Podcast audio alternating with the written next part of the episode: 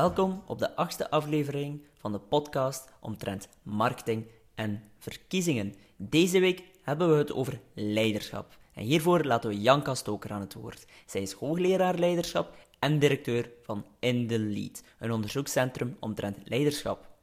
We zullen het hebben over wat nu een goede leider maakt, maar ook over autoritaire figuren en het onbewuste. Welke rol speelt bijvoorbeeld het gezicht bij politici? Alvast veel inspiratie gewenst en als jullie achteraf nog vragen hebben, aarzel niet om mij te contacteren. Goedemorgen Janka. Goedemorgen. Fijn dat je ons even te woord wilt staan in eh, de podcast rond marketing en verkiezingen. Deze keer gaan we het hebben over uh, leiderschap. En uh, ja, als er daar één iemand een expert is, in is, dan bent u het wel. Want u bent ja, eerst en vooral enorm veel geciteerd, geciteerd in uh, alles rond leiderschap, maar ook komt regelmatig in de media als het over leiderschap gaat. En u heeft ook een zeer academische carrière omtrent leiderschap. Misschien dat je even jezelf kort kan voorstellen, want ik heb nu al wat zaken afgenomen natuurlijk. Ah, ah. dankjewel voor je aardige woorden. Uh, ja, ik ben uh, hoogleraar op het gebied van leiderschap aan de Universiteit Groningen. in het noorden van Nederland is dat. En uh, ik ben daar uh, samen met een collega van mij, Harry Garretsen, die hoogleraar internationale economie is. Uh, zijn wij beide eh, directeur van een onderzoekscentrum rondom leiderschap. En het onderzoekscentrum heet In the Lead. En daar doen we eigenlijk allerlei onderzoek, ook samen met organisaties, naar ehm, ja, leiderschap en, en presteren. Dus hoe belangrijk is leiderschap voor organisaties en hoe kan je dat leiderschap verbeteren. Dus dat doe ik. En ik doe inderdaad heel veel onderzoek naar leiderschap en onder andere ook naar leiderschap uh, van, uh, van politiek leiders. Dat vinden we dan net een tikkeltje extra interessanter natuurlijk, ja. aangezien dat het over politieke marketing gaat. Precies.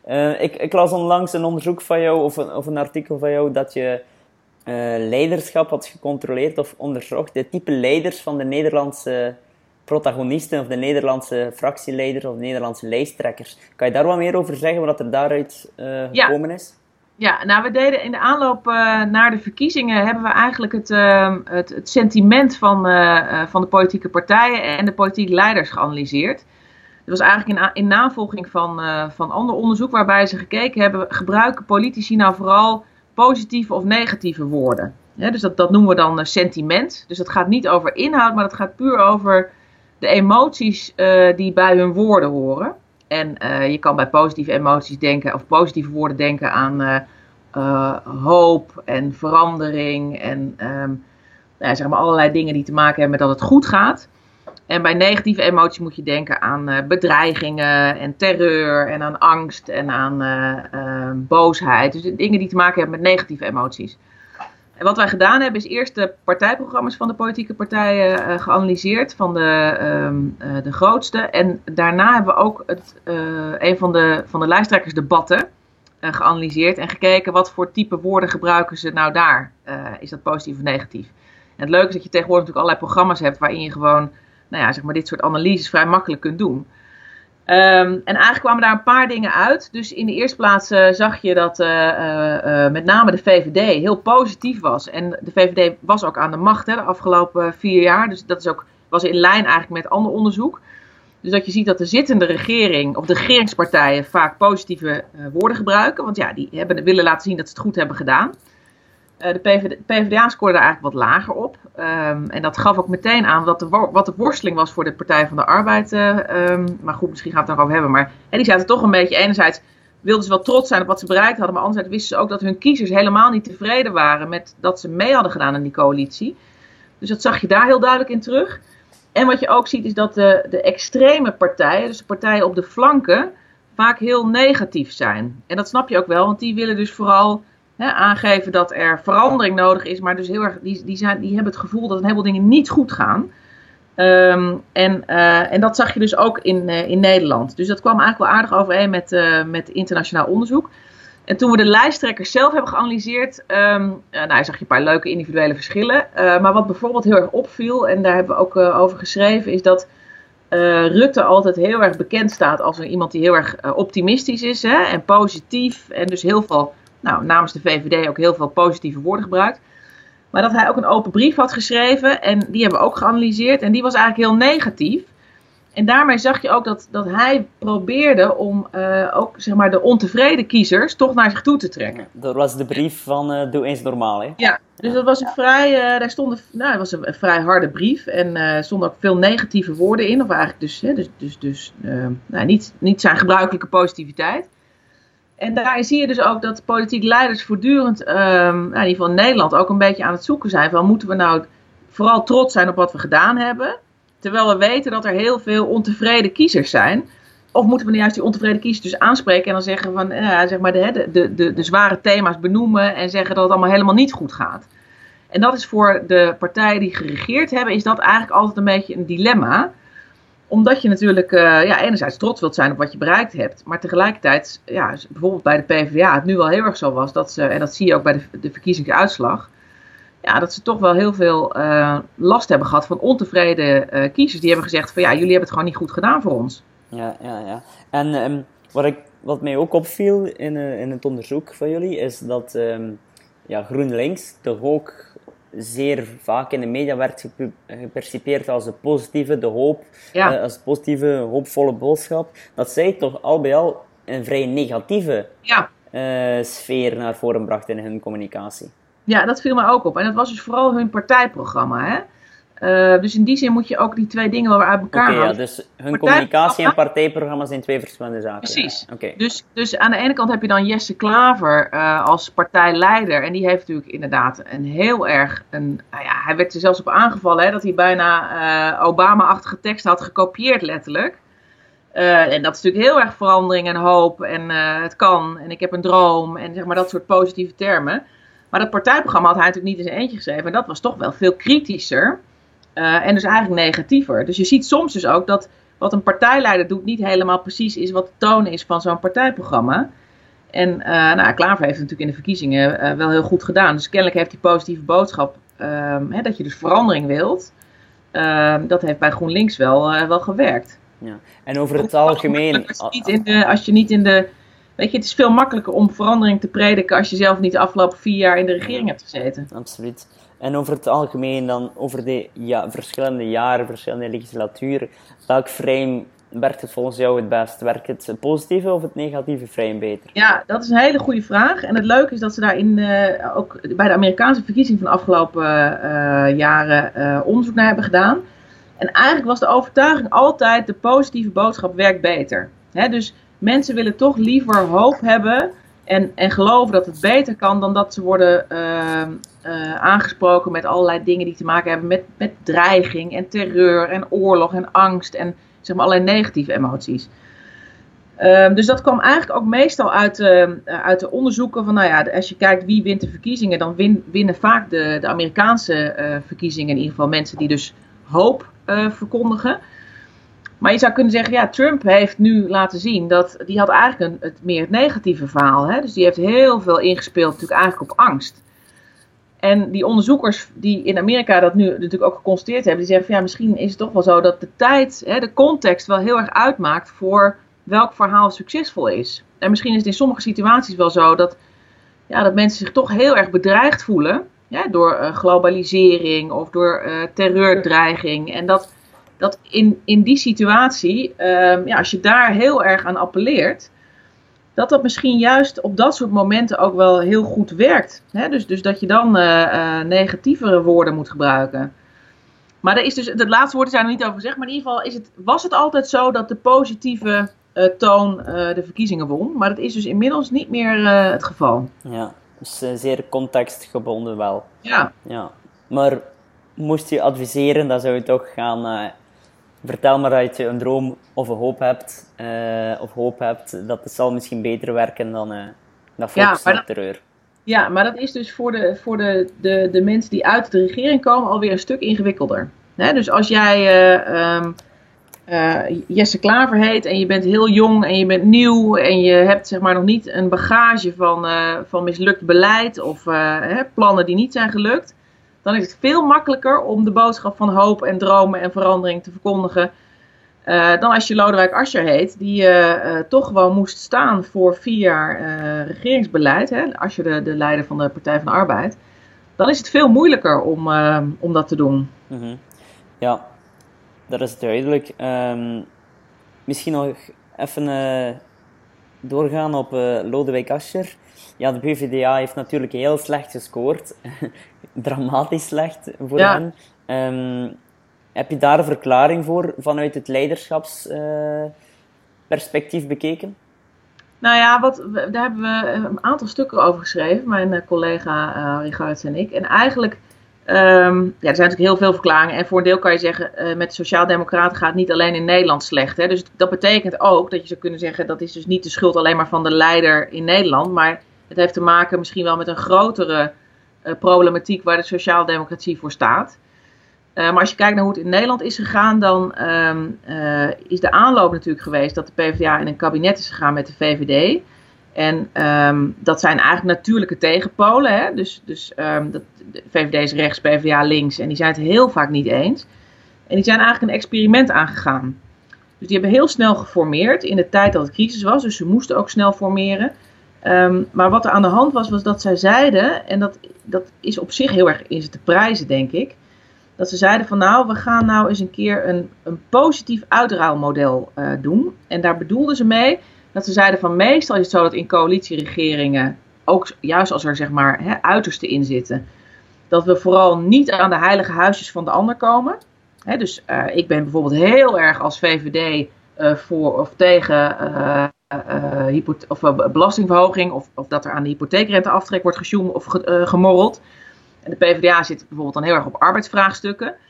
En dan kan je twee dingen doen. Dan kan je zeggen, oh nou ja, dat is voor, jou, voor jouw achterban heel belangrijk, dan blijven we daarvan af. Dat is eigenlijk hoe het vaak gaat in coalitie. Maar wat zij hebben gezegd is, nee, wij willen juist positief uitruilen. Dus we gaan juist die thema's wel aanpakken. En uh, we staan voor zulke grote opgaven dat we moeten iets met de pensioenen en met flexibilisering van de arbeid en met de hypotheekrenteaftrek um, uh, en de belasting herzien. Dus, dus ze hebben hele grote onderwerpen aangepakt. En dat was dus eigenlijk heel gedurfd, zeker in een tijd dat het, dat zeg maar hè, uh, crisis was, of in ieder geval niet goed ging. Maar waar ze dus niet in geslaagd zijn, en um, dat was toen, toen ze begonnen aan het experiment volgens mij al de belangrijkste vraag is, hoe verkoop je dat dan?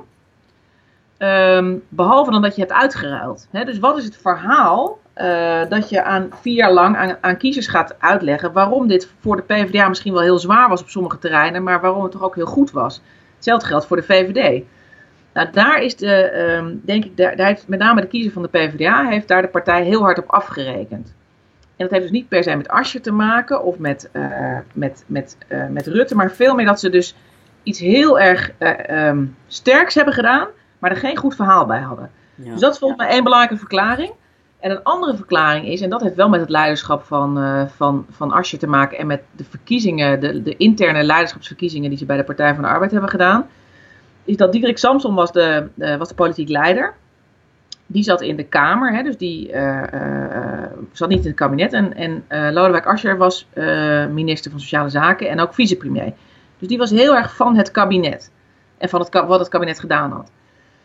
En ze zagen natuurlijk dat het niet goed ging in de peilingen. Dus toen hebben ze binnen de PvdA gedacht van nou zo'n interne leiderschapsverkiezing dat is goed. Want dan hè, daar, creëren we ook allerlei media-aandacht mee. En dan kunnen we misschien iemand anders vinden voor Samsung, want ja, die stond ook niet zo goed in de peilingen. En toen was eigenlijk Asje de enige die het uh, wilde opnemen tegen hem. Um, en die heeft uiteindelijk ook gewonnen, hè? Met, met, met een marginaal verschil. Maar hij heeft wel, ik geloof dat hij 10% meer had of zo. Maar hij heeft wel gewonnen. Dus toen was Ascher toch in een vrij laat moment in de campagne... was de nieuwe leider van de Partij van de Arbeid. Maar het allerlastigste voor Ascher was natuurlijk dat hij eigenlijk exemplarisch was voor het kabinetsbeleid. Want hij was de vicepremier en de minister van Sociale Zaken. Dus daar waar in, in die, in die uh, debatten, zeg maar, uh, Jesse Klaver, waar we net al even over hadden, kon, kon ja, eigenlijk glanzen met hè, veranderingen. Het moet allemaal anders en links. En was de enige waar Asje mee zat, was dat hij werd aangesproken op dat beleid van de afgelopen vier jaar. Dus die kon daar ook niet een soort van nieuwe leider zijn. Terwijl hij dat voor de partij dus wel was. Maar het enige wat er gebeurde is dat hij uh, ja, voortdurend voor zijn voeten geworpen kreeg. Dat, uh, dat het toch zo erg was geweest wat hij voor de PvdA-kiezer had gedaan. Ja, ja, ja. Dus eigenlijk als de PvdA echt een andere leider had willen kiezen, dan hadden ze dus misschien iedereen behalve Asscher moeten hebben. ja, omdat iedereen aan Asscher dacht, bij Asscher dacht aan het kabinet. Ja, hij was de belichaming dus van het kabinet, ja. Ja, en dat zegt dus eigenlijk uh, heel erg weinig over de leiderschapskwaliteiten per se van Lodewijk Asscher, maar veel meer over de positie die hij had ingenomen. Um, en die dus eigenlijk maakte dat het voor hem ja, juist voor hem dus, ook al is hij misschien wel een goede leider, onmogelijk was om daar in die paar maanden nog een, uh, een, een draai aan te geven. Wat, wat maakt dan een goede, een goede leider? Uh, ja, nou ja, welke eigenschappen zijn er voor een politicus of politica uh, nou, het als goede leider je, worden gezien? Te worden ja, het grappige is natuurlijk dat je aan dit voorbeeld precies ziet dat het dus voor een deel niet aan jouw eigen kwaliteit alleen maar ligt. Hè? Dus, um, dus je kan nog zo'n goede leider zijn, maar zijn context, namelijk dat hij uit het kabinet kwam, maakte dat dat, dat, dat zijn grootste handicap was. Dus natuurlijk weten we um, van alles over, over goed leiderschap. Hè? En we kunnen het straks nog even hebben over al dat onderzoek naar of je, of je verkiezingsuitslagen kunt voorspellen op basis van gezichten van leiders, want dat kan. Uh, maar we weten natuurlijk dat, ze, um, hè, dat je charisma moet hebben en dat je een visie, dat het dus helpt als je een goed verhaal hebt en um, als je communicatief goed bent. Uh, en als je um, nou ja, in staat bent, bijvoorbeeld kijk naar Rutte, hè, om, om binnen zo'n kabinet gewoon uh, goed samen te kunnen werken. Dus dat zijn allemaal kwaliteiten die ertoe doen. Maar misschien is de belangrijkste factor wel dat de context bepaalt. en voor deel kan je daar dus heel weinig aan doen als leider of jij op dat moment ehm, ja, ook uh, het goed gaat doen. dus uh, ja, kijk naar uh, de tegenstanders bijvoorbeeld die je hebt. Dus op het moment dat jij een, een, tegenstander hebt op links die nieuw en fris is, ja, heb je dat veel lastiger als iemand die daar al jaren zit. Dan op het moment dat jij het, het strijdperk aangaat met mensen die ook allemaal al heel lang daar zitten. Nou, kijk naar Macron bijvoorbeeld. soms is het het feit dat je een nieuwkomer bent. En dus op het juiste moment eigenlijk uh, ja, zegt dat het allemaal anders moet. Ja, dat kan dus, dan, dan kan je dus heel erg tij mee hebben. En dat zegt dus iets over hoe belangrijk eigenlijk de situatie is waarin jij terechtkomt. Ja. En die is soms dus veel belangrijker misschien wel dan jouw leiderschapskwaliteiten. Ik heb, ik heb vier zaken opgeschreven. Is, is, uh, maar vul gerust aan. Is charisma, communicatie, visie, visie en context. Ja, ja, en, als je, dus, en wat ook een belangrijk onderscheid is, is dat, uh, en dat, dat benadruk ik zelf altijd, uh, dat vinden journalisten niet altijd leuk, maar dat maakt wel heel erg uit, dat campagne voeren nog echt iets anders is dan regeren. Dus um, een goede leider in, uh, in campagnetijd is wat anders dan iemand die uiteindelijk bijvoorbeeld in een kabinet minister wordt. Dus je kan ook maar niet, je kan niet zomaar zeggen van goh, een, um, iemand die bijvoorbeeld heel erg goed is in debatten, want dat, daar moet je dus goed kunnen communiceren en overtuigend kunnen zijn. Maar als je minister bent of minister-president, ja, dan moet je nog steeds goed kunnen communiceren. Maar dan moet je ook andere dingen goed kunnen. dan moet je een departement kunnen leiden. En dan moet je misschien wel eh, conflicten kunnen oplossen. En dan moet je um, goed zijn in besluiten nemen. En, en dat zijn dus allemaal vaardigheden die we in die campagnetijd, die zien we dan helemaal niet. Want dan zijn we vooral aan het kijken naar, um, nou ja, kan iemand zijn uh, verhaal verkopen? En wat, wat, heeft het meest impact op de verkiezingsuitslag? Een, eh, een goede leider in de regeringstijd of goede leider in, in campagne voeren? Nou ja, dat is een hele goede vraag. Dat, daar komen we een beetje op van kun je nou voorspellen wie verkiezingen wint?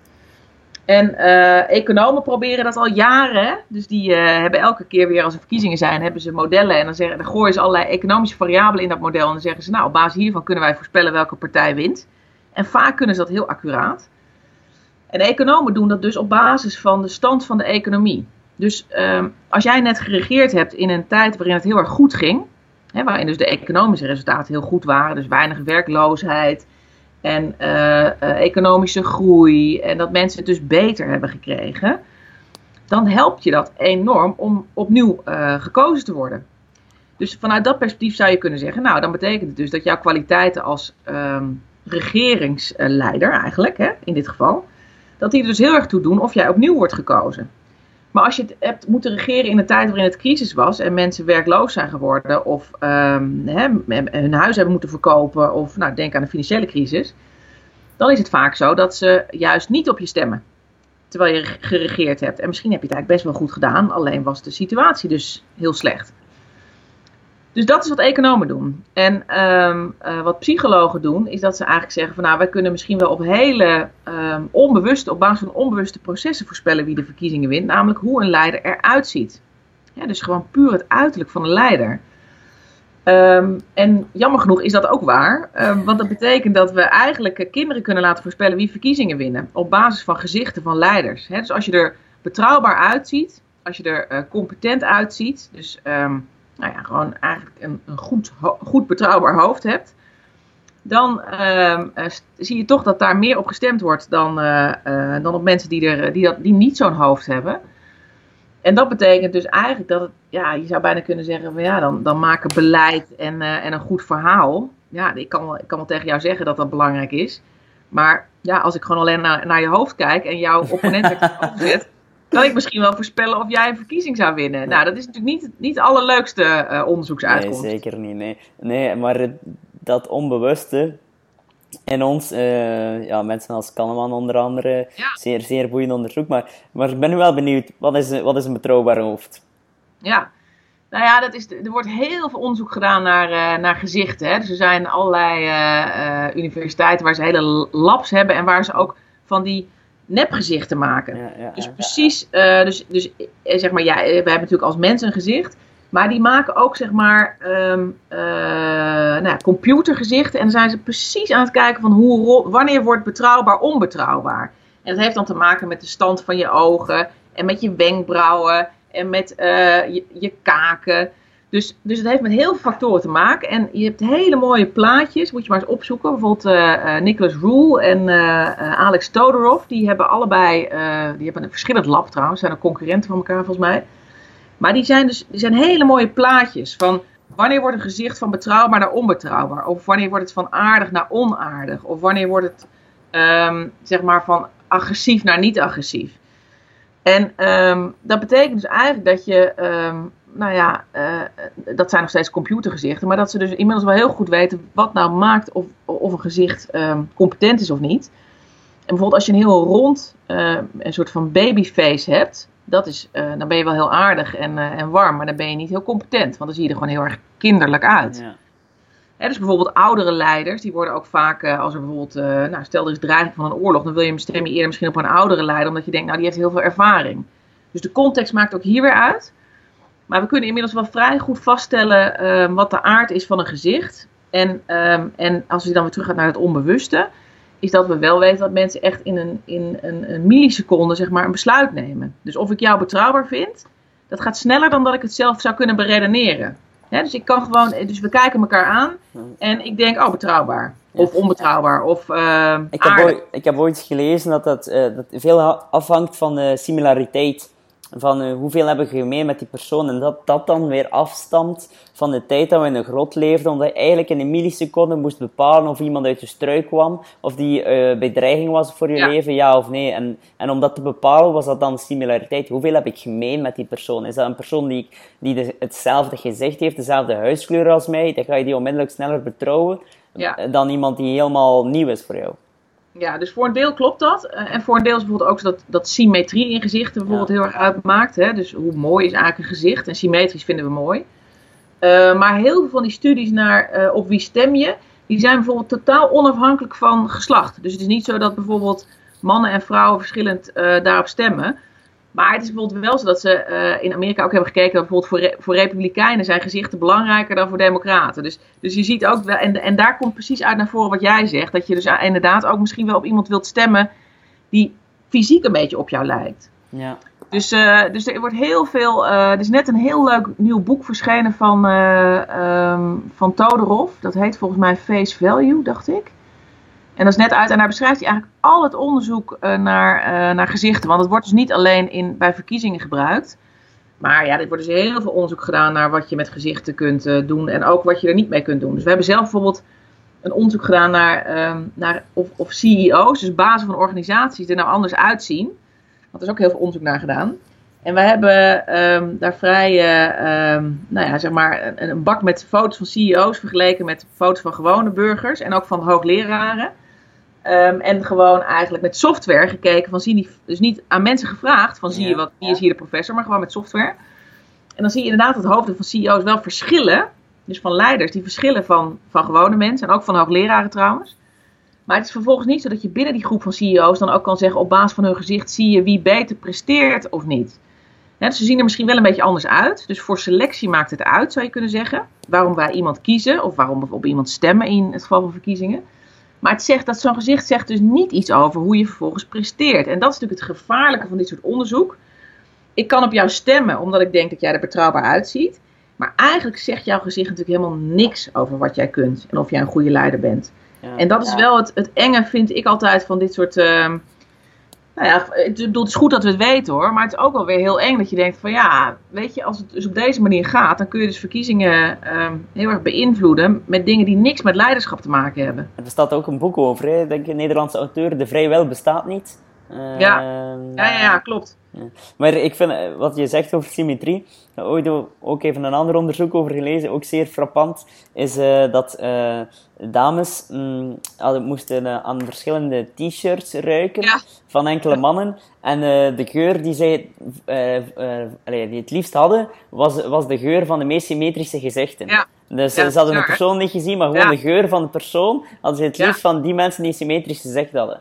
Ja, dat is uh, zeer, ja, zeer frappant onderzoek. Ja. Uh, Oké, maar dus naar, naar, naar leiderschapsstijl dan, is, is het sterk afhankelijk van in welke context je je, je bevindt. Is dat dan, uh, ja, ik, zowel op vlak van economie, maar ook in welke fase? Campagne voeren, regeren. Ja. En um, zijn, er, zijn er dan nog tips naar, naar leiderschapsstijl? Bijvoorbeeld als je in campagnemodus bent, wat voor leider, of hoe moet je jezelf dan positioneren als leider? Nou ja, dat in die zin is natuurlijk de beste tip is eigenlijk dat je dus uh, aan van tevoren heel goed nadenkt over uh, wie wordt onze leider. Want um, stel, het is iemand die heel goed kan regeren, maar die moet in de campagne. Uiteindelijk zijn leiders in campagnetijd natuurlijk heel belangrijk. Nou, dat snappen politieke partijen inmiddels wel. Maar dat betekent dus dat voordat je je leider selecteert, dat je eigenlijk heel goed moet bedenken. Nou, in ieder geval moet hij in campagnetijd goed zijn. En dan vervolgens is de vraag, ja, maar moet hij dan ook gaan regeren? Hè? Dus in Nederland bijvoorbeeld is het zo dat uh, het best kan zijn dat bijvoorbeeld de partijleider daarna in de Tweede Kamer gaat. Dus niet per se uh, ook een, een, minister wordt. Nou, dat kan in Nederland heel goed. Um, dat kan in andere landen, ja, waar je bijvoorbeeld meerderheidssystemen hebt, waar dus de persoon van de leider eigenlijk veel belangrijker is. Een systeem zoals in Amerika. Ja, ik bedoel, daar, daar stem je op Trump en dan weet je ook, dan wordt hij dus president. Het is niet zo dat er dan daarna iemand naar voren wordt geschoven die heel veel ervaring heeft en die het misschien veel beter kan dus, uh, dus bij de selectie van je, van je partijleider is denk ik uh, nou ja, goed zijn in debatteren en een visie hebben en mensen kunnen overtuigen. Dus wat in campagnetijd belangrijk is, dat is daar wel heel erg belangrijk en misschien ook wel steeds belangrijker geworden. Hè? Want ja, uh, ik weet niet of dat, hoe dat in België is, maar je ziet bij ons bij die, bij die uh, debatten bijvoorbeeld dat je dan één minuut de tijd hebt of twee minuten om je verhaal te vertellen. Weet je, dat moet allemaal heel erg scherp zijn. Dus je moet verbaal echt heel goed zijn. Um, en als je dus dat niet bent, dan um, kan je misschien wel een hele goede leider zijn en bij wijze van spreken straks een hele goede minister van Financiën. Maar ja, mensen stemmen, weet je, mensen kijken naar die debatten. Ja, ja. Ik vind dat, vind zeer boeiend en ik wil even, even verder op ingaan. Is, uh, bij ons in België, en waarschijnlijk in Nederland is het ook zo, de mensen die in de regering zitten, die worden ook vaak de lijsttrekker. Uh, Wij hebben natuurlijk wel een uh, iets ander kiessysteem, waarbij we meer met kiesdistricten of pro ja. provincieniveau werken dan vooral, of, uh, of afhankelijk van welke verkiezingen het is natuurlijk. Maar vaak wordt de minister of zij die in de regering zitten ook de lijsttrekker. Maar nu, nu zeg je ook van ja, een goede leider in de regering is niet altijd een goede leider in, in campagne voeren. Dus eigenlijk moeten partijen niet denken van ja, kijk, ja, dat is de minister die wordt lijsttrekker, maar we moeten kijken van wie is de beste campagnevoerder en die moeten we lijsttrekker maken. Ja. Natuurlijk, ja, een minister krijgt wel veel meer exposure, dus veel meer publiciteit. Misschien daarom ook dat ze het... Uh, ja, maar het kan dus een riskante keuze zijn. Dus het ja. is, om die twee dingen. Eén, inderdaad, omdat een goede minister nog niet per se een goede campagnevoerder is. Mm -hmm. En twee, eigenlijk het, het voorbeeld.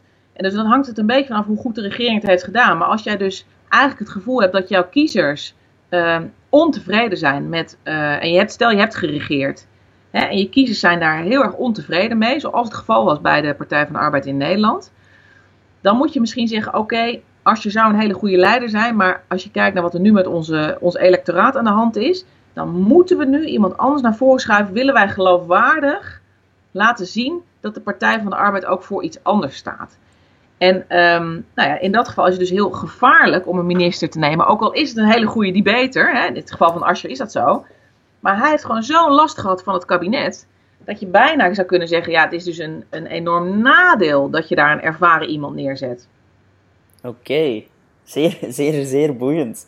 Uh, ja, daar moet ik nog even verder over nadenken. Zeer boeiend. um, ja, ik moet, we moeten verder natuurlijk. anders, blijft het, anders wordt het weer een te lange podcast. Een beetje standaard bij mij. Ik vind het altijd veel te, ik vind het altijd veel te boeiend.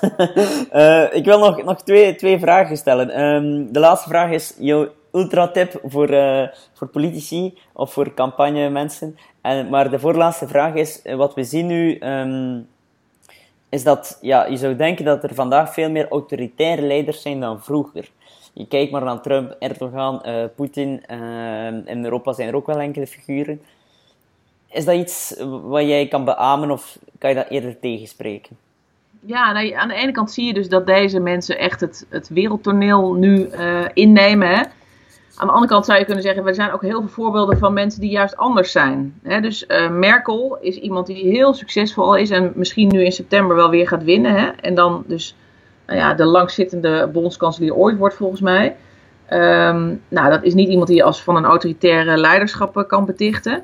Uh, we hebben in Canada uh, Trudeau, we hebben nu in Frankrijk net Macron, weet je. Dat zijn ook allemaal leiders die het juist misschien wel op een andere manier doen. En niet per se door uh, met de vuist op tafel te slaan.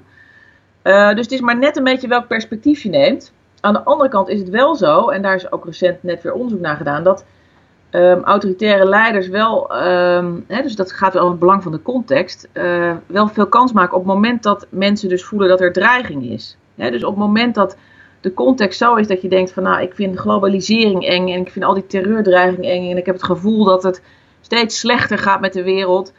Dat je op dat soort momenten, dus als er een crisis dreigt, dat je dan ja, de neiging hebt om vooral um, nou ja, sterke leiders te kiezen. En uh, dat is iets wat we uit onderzoek ook wel echt weten. Als er een dreiging van buiten komt, um, dan uh, wordt de, de, ideale leider uh, wordt eigenlijk vooral iemand die heel erg nou ja, sterk is en dominant en richting geeft, zodat we daar achteraan kunnen lopen. De vraag is natuurlijk of dat een verstandige reactie is. Hè? Dat hebben we met die gezichten net ook gehad. Um, maar dat betekent gewoon dat, dat dat een soort van natuurlijke reflex is. En je zou kunnen zeggen van ja, daar spelen dus dat soort autoritaire leiders, die spelen daar handig op in. Aan de andere kant zou je ook kunnen zeggen, nou ja, kijk naar, naar Macron in Frankrijk bijvoorbeeld. Kijk, Le Pen had ook kunnen winnen. Hè? Uh, maar ze hebben, als Frankrijk heeft voor Macron gekozen. En dat is nou juist iemand die weet je, voor Europa is. Dus die een beetje het positieve verhaal heeft uh, verkondigd. Uh, dus het is, gaat niet helemaal altijd op. Maar het is wel zo dat onder omstandigheden van dreiging... Uh, de sterke leider um, ja, wel een hele grote kans maakt. Mm.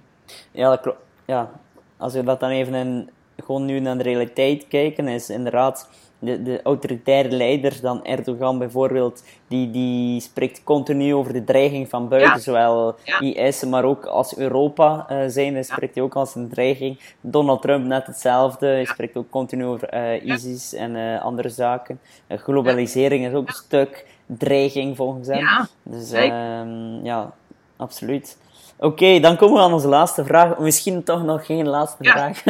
ik, heb nog, ik heb nog iets waar ik zit net te binnen schiet. Um, uh, dus of ik, als ik even mag concluderen. Sterk leiderschap of leiderschap is, uh, of jezelf promo uh, profileren als promoten als een goede leider, heeft in politiek altijd een voordeel, of niet? ja, maar wat een goede leider is, hangt dus heel erg af van de context. Ja. En volgens mij, als je het hebt over, over de beste tip. Kijk, uiteindelijk is het zo dat je dus heel goed moet nadenken, volgens mij, als politieke partij over welke leider kunnen wij nu gebruiken. En dat is misschien niet per se de, alleen maar de, de objectief beste leider. Hè? Dus denk weer aan het voorbeeld van de Partij van de Arbeid. Dus je moet altijd nadenken over de context waarin je je bevindt. Uh, dus de, de, de tijd waarin je een leider zoekt, maar ook uh, wat heb je daarvoor gedaan. Um, dus dat is belangrijk. En, en twee is volgens mij, wat ook wel heel belangrijk is, is dat je dus uh, snapt dat um, uh, hè, in campagnetijd hoe goed een leider het doet heel erg belangrijk is geworden. En dat je dus um, ja, op de een of andere manier moet zorgen dat iemand daar toch bijna van nature dat hij dat goed kan. Hè, dus uh, stel je vindt het heel moeilijk om te debatteren of om uit je woorden te komen, of om, om bijvoorbeeld dat je heel inhoudelijk bent, maar slechts op één terrein dan weet je gewoon dat je het in de campagnetijd heel erg moeilijk gaat krijgen. Dus in die zin is het uh, steeds belangrijker geworden, denk ik, dat uh, leiders daar goed in zijn. En dat moet je niet tijdens de campagne nog uh, moeten leren. Oké, okay, dus de, de belangrijkste tip die ik hieruit mag halen, of de ultra-tip, is uh, als de campagne start, moet je eigenlijk al een, uh, een goede leider kunnen zijn. Ja, ja. En, dus, en dus waar we, het, waar we het net ook over hebben gehad, hè, dus, dus een campagne, een goede leider in campagnetijd is niet per se een goede leider in de regering. En dat is in sommige landen, dus in Nederland is dat, ja, zeg maar, nou, vrij vaak zo. Hè? Of in ieder geval kan dat heel goed zo zijn. Uh, maar het voorbeeld dat jij gaf hè, in België, dat je zegt van nou, een minister wordt daarna de leider. Dat, dit zijn echt verschillende kwaliteiten. Dus erken nou dat bepaalde situaties vragen om verschillende leiderschapskwaliteiten. Dat zou um, volgens mij ja, een, een, enorme verlichting zijn voor sommige mensen. Ja, vind ik, uh, vind ik een zeer boeiend inzicht. En uh, ik denk dat voor politieke partijen net hetzelfde is.